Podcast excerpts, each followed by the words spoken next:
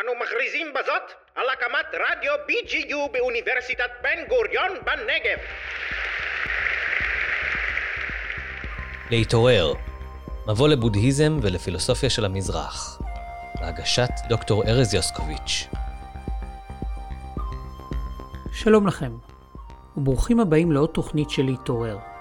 והיום אנחנו רוצים לדבר על מיינדפולנס. ננסה להבין טוב יותר למה הכוונה במיינדפולנס, את השורשים הבודהיסטיים של תנועת המיינדפולנס, כמו גם את הביקורת עליה. ולשם כך בדיוק הזמנתי לשיחה את דוקטור קרן ארבל היקרה שלנו. קרן היא חוקרת, לומדת ומתרגלת בדרך הבודהיסטית. תחומי המחקר שלה הם הבודהיזם המוקדם והתיאוריה של המדיטציה הבודהיסטית. והיא עוסקת בתרגום של טקסטים בודהיסטיים מוקדמים משפת הפאלי לעברית. בנוסף, קרן גם מלמדת דרמה ומדיטציית ויפאסנה בעמותת תובנה, בנלנדה בית הספר ללימוד ותרגול הדרך הבודהיסטית, ובמסגרות נוספות. וביחד אנחנו מתחילים.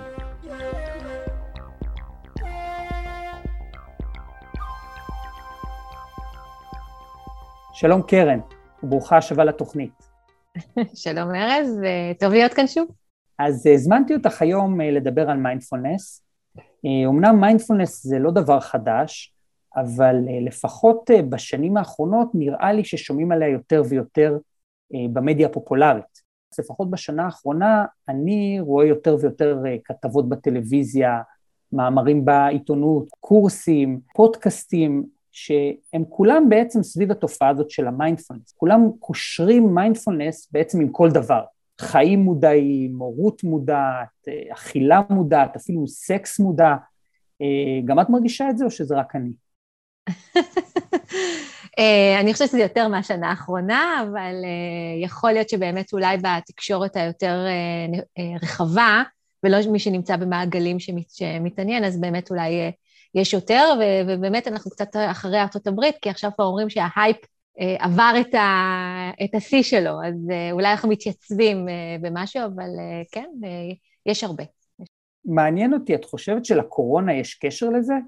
מאחר ואני לא חושבת שזה רק של השנים האחרונות, כבר אה, אני בקשר עם המקומות שמלמדים אה, בהקשרים של המיינדפולנס החילוני, אז אני יודעת שזה לא רק בשנתיים שלוש האחרונות, אבל אני חושבת שהקורונה כן אה, פגשה אנשים בתוך מקום של שקט ואי עשייה, וכל מה שעולה כשאני לא מוסחת, גם הדברים הטובים, אבל גם הקשיים שעולים עם תודעה שרגילה להיות כל הזמן בהסחות דעת, וכן ניסו לחפש משהו שהוא, אה, שאפשר אגב ללמוד אותו, אגב דרך הזום, שזה היה שינוי מאוד גדול בעניין הזה, ו, וכן ליישם אותו בחייהם אה, בצורה שהיא יחסית פשוטה בעבודה עם כל מיני קשיים אה, מנטליים. אז אני מניחה שגם הקורונה הוסיפה לזה, ובאמת היכולת ללמד בזום פתחה את זה גם לאנשים שהם לא נמצאים במרכז, מרכז הארץ, כי הרוב מלמדים במרכז הארץ, אז אנשים גם מהדרום וגם מהצפון יכולים יוכלו לפגוש את התרגול הזה, אז יכול להיות שאתה צודק, אין לי סטטיסטיקות אבל. גורם אחד שבטוח יש לו תרומה לפופולריזציה של המיינדפולנס, זה בעיניי לפחות, זה המדע. כלומר, ככל שיש יותר ממצאים מדעיים, ואנחנו רואים הרבה מאוד פרסומים בז'ורנלים אה, מאוד מאוד מכובדים, אה, שאומרים בעצם שכן, מיינדפולנס זה, זה דבר טוב. והשאלה? והשאלה היא, אה, איך את רואה את התרומה של המדע לעניין הזה? כמי שמלווה את התחום הזה די הרבה שנים, mm. איך את רואה את התרומה? כלומר, האם את מרגישה שככל שהמדעיות, במרכאות כפולות של הדבר הזה, גוברת, אז למשל, אני שואל למשל, בעצם יש הרבה יותר נכונות מצד אוכלוסיות mm. שבדרך כלל היו פחות פתוחות לכזה תחום. אז אני חושבת, אני בטוחה שכן. כי אם התרגול בצורה הבודהיסטית שלו אה, הביא אנשים שחיפשו אותו באופן ברור, ובאיזשהו אופן חיפשו אה, גישה לעולם מה שאנחנו קוראים לו תרגול רוחני, זאת אומרת, זה באמת לא רק תרגול של הרוח, אבל זה השם שניתן אה, לדבר הזה, אז, אז אני חושבת שהמיינדפולנס החילוני וה, והמחקרים המדעיים, שנעשים אגב באוניברסיטאות הטובות ביותר בעולם, מאפשר איזשהו שער לאנשים שלא רוחניות קלאסית מעניינת אותם, וגם האישוש המדעי מאפשר להם איזושהי תחושת נינוחות של לפגוש משהו שכן, אפשר לבדוק אותו באיזושהי רמה מסוימת, ורואים את הבנפיט שלו, את היתרונות שלו לכל מיני דברים, אגב, אם זה עבודה עם דיכאון, ומחשבות רפטיטיביות, עבודה עם כאב כרוני, המחקרים האלה, אני חושבת שהם נותנים תחושה לאנשים שאוקיי, יש פה משהו שהוא לא רק איזה רוחני, אלא שהוא כן מגיע אולי מתרגול רוחני, אבל אני יכולה לקחת אותו גם לחיים הרגילים שלי. אז, אז אני מניחה שבטח יש לזה אפקט מאוד מאוד אה, משמעותי להרבה מאוד אנשים. אז אולי תוכלי להתחיל ולהסביר למאזינים שלנו, בעצם, אה, מהי בכלל מיינדפולנס? אז קודם כל אני מעדיפה להשתמש במילה תשומת לב, כי מיינדפולנס זה באנגלית, אז אני יודעת שמשתמשים בזה, אז, אז מיינדפולנס זה תשומת לב, או קשב אה, חכם. אה, התרגום שלו הרבה פעמים בעברית הוא קשיבות, שאני באופן אישי פחות אוהבת, אבל אני מבינה את ה... אני רואה את היופי גם במילה הזאת. זה איכות מנטלית, בתוך התרגול הבודהיסטי, היא הבסיס בעצם לכל, לכל הטיפוח וכל האימון המדיטטיבי והמנטלי ש, שמוצע בו, שהוא הרבה הרבה יותר רחב ממיינדפולנס או מתשומת לב, אבל הבסיס זה היכולת שלנו להיות בקשר ובקשב ובמודעות למה שקורה בחוויה שלנו עכשיו, עם איכות פנימית שהיא לא הודפת את החוויה, אבל גם היא לא נדבקת אליה ונאחזת בה. שזה מיומנות שהיא באמת יקרת ערך. כי אני חושבת שהתודעה האנושית שלנו, בדרך כלל במפגש שלה עם חוויה, לא משנה עם דברים פנימיים או עם דברים חיצוניים, או שאנחנו הודפים, אם זה לא נעים לנו, או שאנחנו מתנתקים, אם זה לא נעים לנו, או שיש שם תנועה מיד שנדבקת, נגיד, למחשבות ומזדהה איתן. אז מיינדפולנס, או סאטי, המילה בפאלי, תשומת לב, או, או הקשב, לא סתם אני אומרת קשב חכם, זה איכות שאפשר לטפח אותה, כן? שהיא לא רק מזהה מה קורה לי בחוויה, אלא מזהה עם איכות מסוימת, שהיא איכות שיש בה משהו משחרר באותו רגע. כן, משהו לא מתנתק מהחוויה, כי התנתקות זה לא דבר מיטיב, כי זה, לא, זה אומר שלא הייתי במגע, ומצד שני גם לא נדבק מיד ומזדהה. כן, אז זה, זה מרחב מאוד אחר של, חו... של הוויה פנימית, שהוא משהו שאפשר להתאמן בו. זה לא שכל, לכן זה, לכן זה כל כך נפוץ, אפשר להתאמן באיכות הזו. אם הייתי צריכה להגיד בקצרה קצת על מה זו האיכות, ולהגיד שכשהבודה בכתבים המוקדמים מלמד, אז הוא מלמד את זה בדרשה על ביסוס תשומת הלב, והוא בעצם מנחה את התרגול לקשב או לתשומת לב, גם לגוף, גם לתחושות הגוף, גם למצב התודעה, הלך הרוח, וכל התופעות המנטליות שנוכחות אה, בתודעה שלנו. בעצם הוא, הוא פורס אה, איזשהו תרגול שכולל את כל החוויה האנושית. אין שום דבר שהוא מחוץ לסוג הזה של הקשב.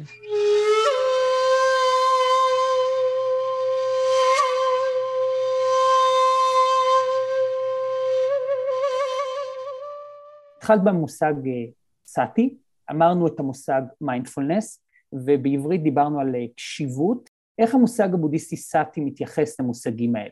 האם הוא יותר קרוב להקשבה, לאיזושהי איכות של התודעה?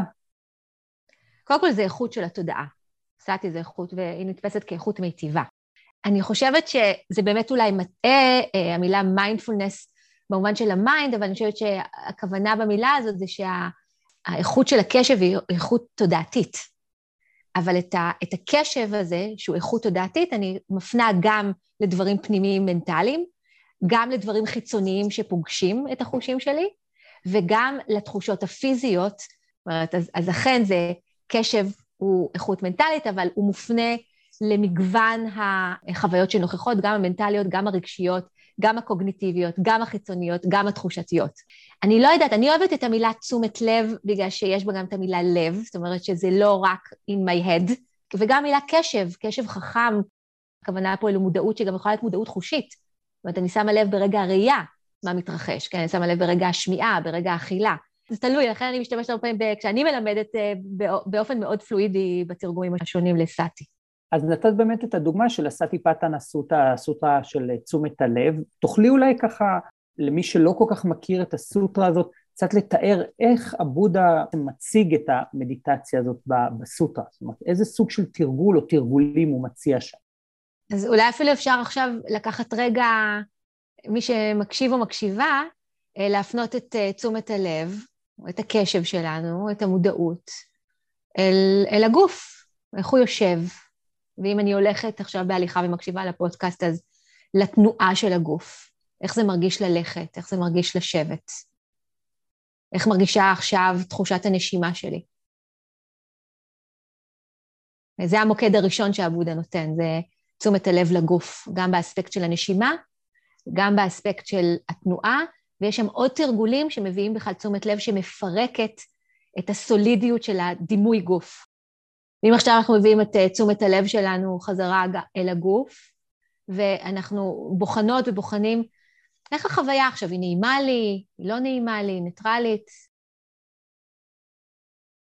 זה יהיה המוקד השני של תשומת הלב. תמיד לחוויה שלנו יש איזה גוון שהוא מאוד משמעותי לתגובות האוטומטיות שלנו, שמתרחשות ביחס לגוון הזה. אם נעים לי, אני רוצה עוד, לא נעים לי, התנועה המיידית של הסלידה, כן? שזה ניטרלי ולא קורה כלום.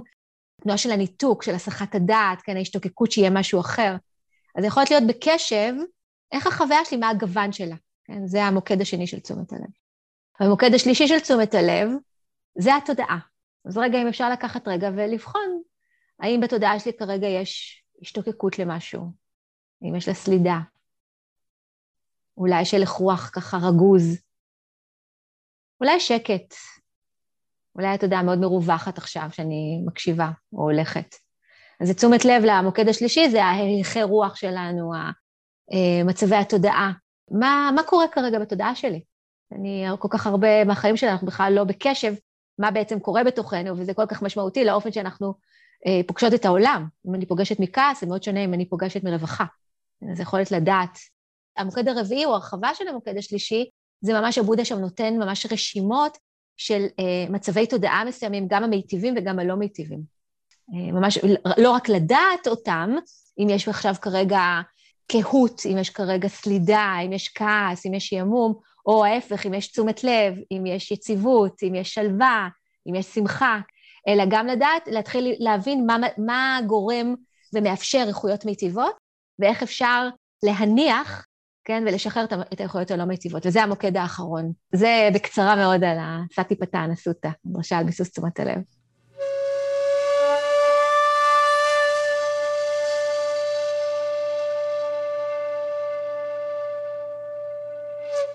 אחרי שנתת לנו הסבר כל כך יפה וגם התנסותי של, ה, של הדרשה לטיפוח אה, תשומת הלב, אה, אולי תוכלי להחזיר אותנו בעצם להווה או לשנים האחרונות, וככה לתאר בקצרה את האופן שבו התפתחה התנועה הזאת, שאנחנו מכנים אותה מיינדפולנס, אה, שהתפתחה בעצם במערב בעשורים האחרונים, מאיפה בכלל התחיל כל הדבר הזה, מה מבדיל אותו מהמסורת הבודהיסטית וכיוצא בזה.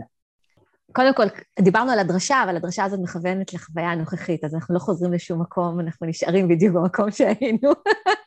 תמיד. אז רק, אבל אה, לשאלתך, תראה, אני לא היסטוריונית של, אה, של תנועת המיינדפולנס החילוני, אבל אני יכולה להגיד שהתנועה הזאת הפכה להיות מה שהיא היום, בעיקר, אני חושבת, בזכות אדם אחד, אה, ג'ון קבטזין, שהוא גם היה חוקר, אה, ובריטריט ויפאסנה, בתוך הקשר מאוד מאוד בודהיסטי, אה, כשהוא יושב ומתרגל, על פי הדרשה הזאת שעכשיו הזכרנו וקצת תרגלנו, הוא מהרהר ואומר, איך אני יכול להביא את התרגול הזה, שאני לומד אותו עכשיו ומתרגל אותו בתוך הקשר שהיינו קוראים לו הקשר בודהיסטי ולא חילוני, זה היה ב-Insight Meditation Society בארצות הברית, ואני רוצה להביא אותו בעיקר חולים שסובלים מכאבים כרוניים שהרפואה כבר לא מצליחה לעזור להם. זאת אומרת שניתוחים ותרופות לא, לא עוזרים, ואיך אני יכול להביא את הקשב הזה, שמה שאמרתי קודם שהוא קשב חכם, שיכול להיות עם משהו בלי התנועה שאו מתנתקת או נתפסת או סולדת,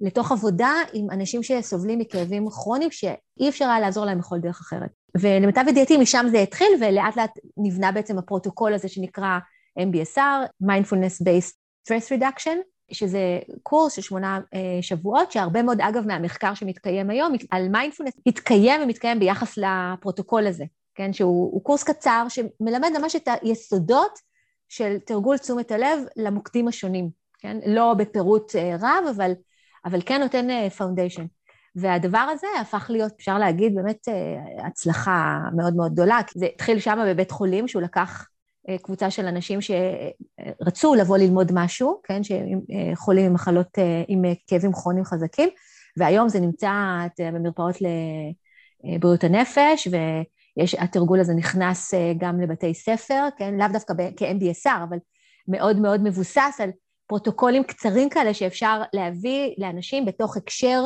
שהוא לא הקשר רוחני של ריטריט או של איזושהי דרך מאוד רחבה, ולהציע ללמוד את המיומנות הזאת, שיש בה משהו משחרר.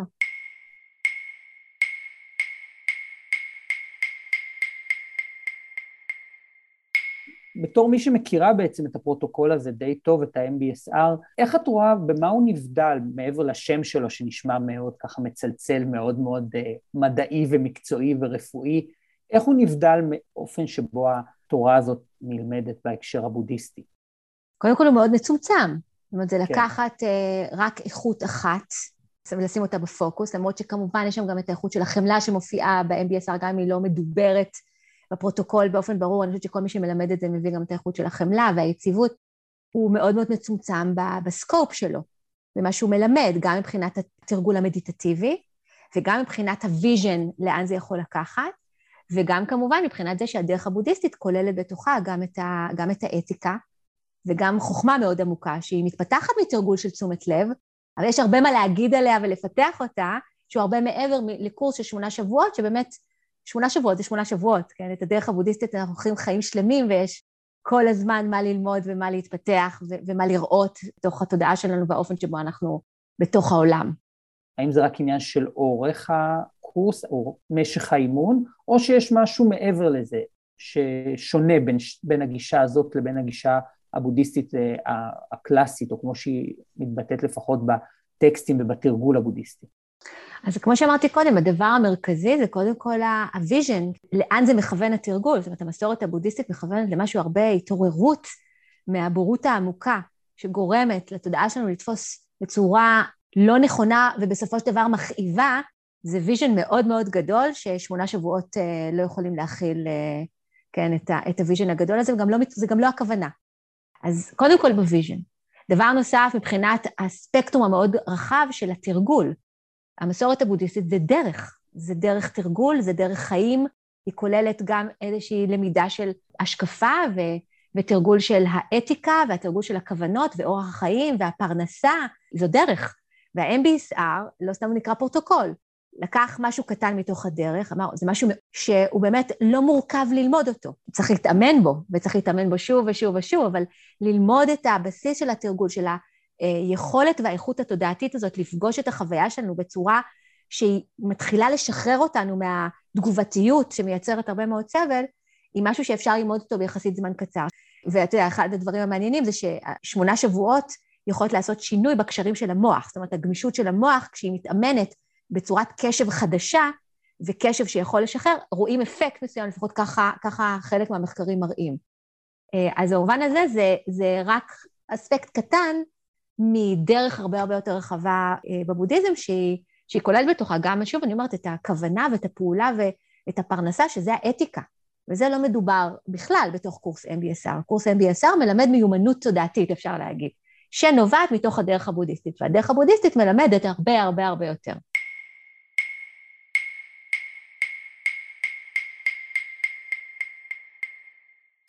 איזה תועלות אנשים מפיקים מהתרגול הזה?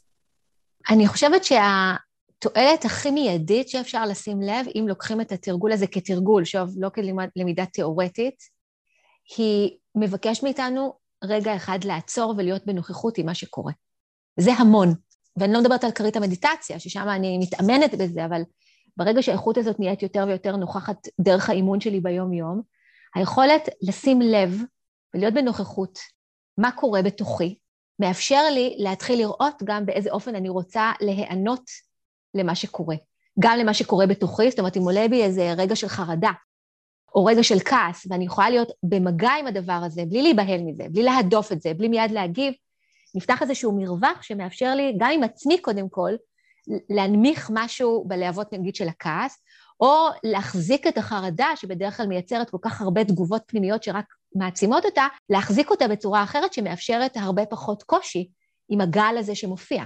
כי זה הכל גלים, כן? מה שמחזיק הרבה פעמים את הגלים הזה זה התנועה שמיד מצטמצמת סביב זה ומגיבה לזה. שזה המון, לעצור ולהיות בנוכחות ובקשב הזה שהוא קשב חכם. יותר מזה, כלפי חוץ, היכולת לנו להיות בנוכחות מה קורה בתוכנו, ולזהות האם זה מיטיב עכשיו לתת לתנועה הפנימית הזאת להניע את הדיבור שלי ואת הפעולה שלי, היא משמעותית בתוך כל אינטראקציה בין אישית שיש לנו. אני לא יודעת, בתוך הבית, יכול להיות שרגע לא להגיב מתוך הזעם או מתוך הכעס, לעצור, להיות במגע עם זה, לדעת להרפות, לנשום, לפתוח מרחב סביב הגל הרגשי הזה שהופיע, זה דבר שאפשר לראות אותו די מהר כשמתחילים להתאמן את הבנפיט שלו. זה לא תמיד קל כמובן ליישם את זה, אבל ברגעים שאנחנו כן מצליחים ומצליחות, זה מראה מיד את היתרון של הקשב הזה. לכן אני חושבת שאנשים, הרבה פעמים כשהם לומדים את זה, גם אם קשה להם להמשיך להתאמן, קל לראות את היתרון ואת הערך באיכות של עצירה, של השתהות, של נוכחות, שלא מיד מנתקת מגע, כי המקום הזה מאפשר היענות אחרת לחלוטין למה שקורה בתוכי והחוצה. תקני אותי או תדייקי אותי אם אני, אם אני טועה.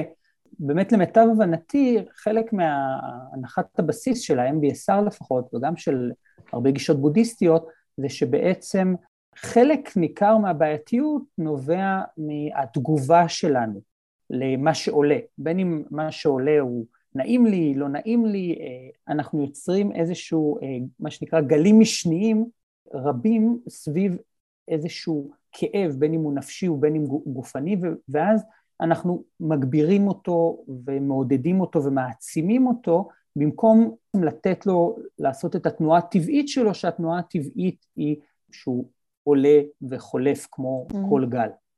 כן, יש לי דימוי נורא יפה של הבודה במשל החיצים, זה נקרא, משל החץ האמת, שבו הוא נשאל מה ההבדל בין, בין אדם שהתעורר לבין אדם שהתודעה שלו רגילה לחלוטין. הוא אומר, ההבדל זה שאדם שהתודעה שלו רגילה לחלוטין, כשהוא פוגש משהו בחוויה שהוא לא נעים, כן, אז החץ הראשון זה, זה התחושה הלא נעימה שקורית, כאילו, וזה חלק מהחיים.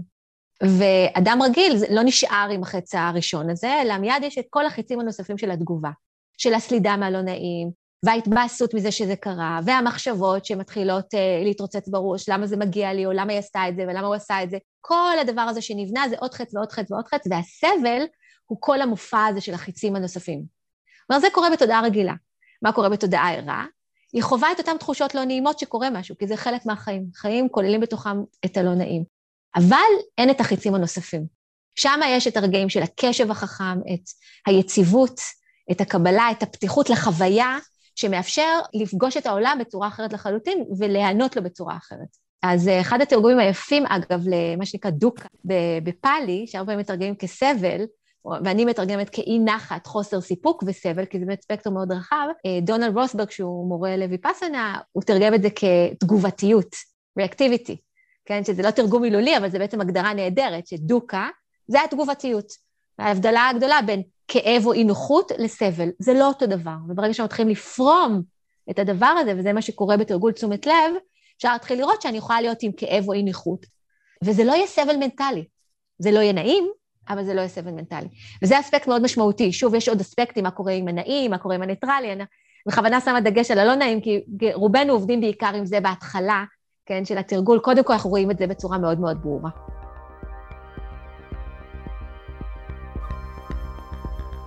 עד כאן להפעם. אתם מוזמנים להאזין לחלק השני של השיחה שלי עם דוקטור קרן ארבל בפרק הבא של להתעורר. כדאי לכם, יהיה מרתק. אני רוצה להודות ליחידה לקידום ההוראה ולמחלקה לפילוסופיה באוניברסיטת בן גוריון על החסות והתמיכה, לדוקטור בוזי רביב מרדיו BGU שממשיך ללוות אותנו מרחוק. אם יש לכם שאלות או תגובות, אתם מוזמנים לבקר בעמוד הפייסבוק של התוכנית. אם אתם מאזינים לפרק בספוטיפיי או אפל מיוזיק, אל תשכחו לדרג אותנו. זה עוזר לנו להגיע ליותר אנשים. וכמובן, אם נהניתם מהפרק, אל תשכחו לחלוק. להשתמע.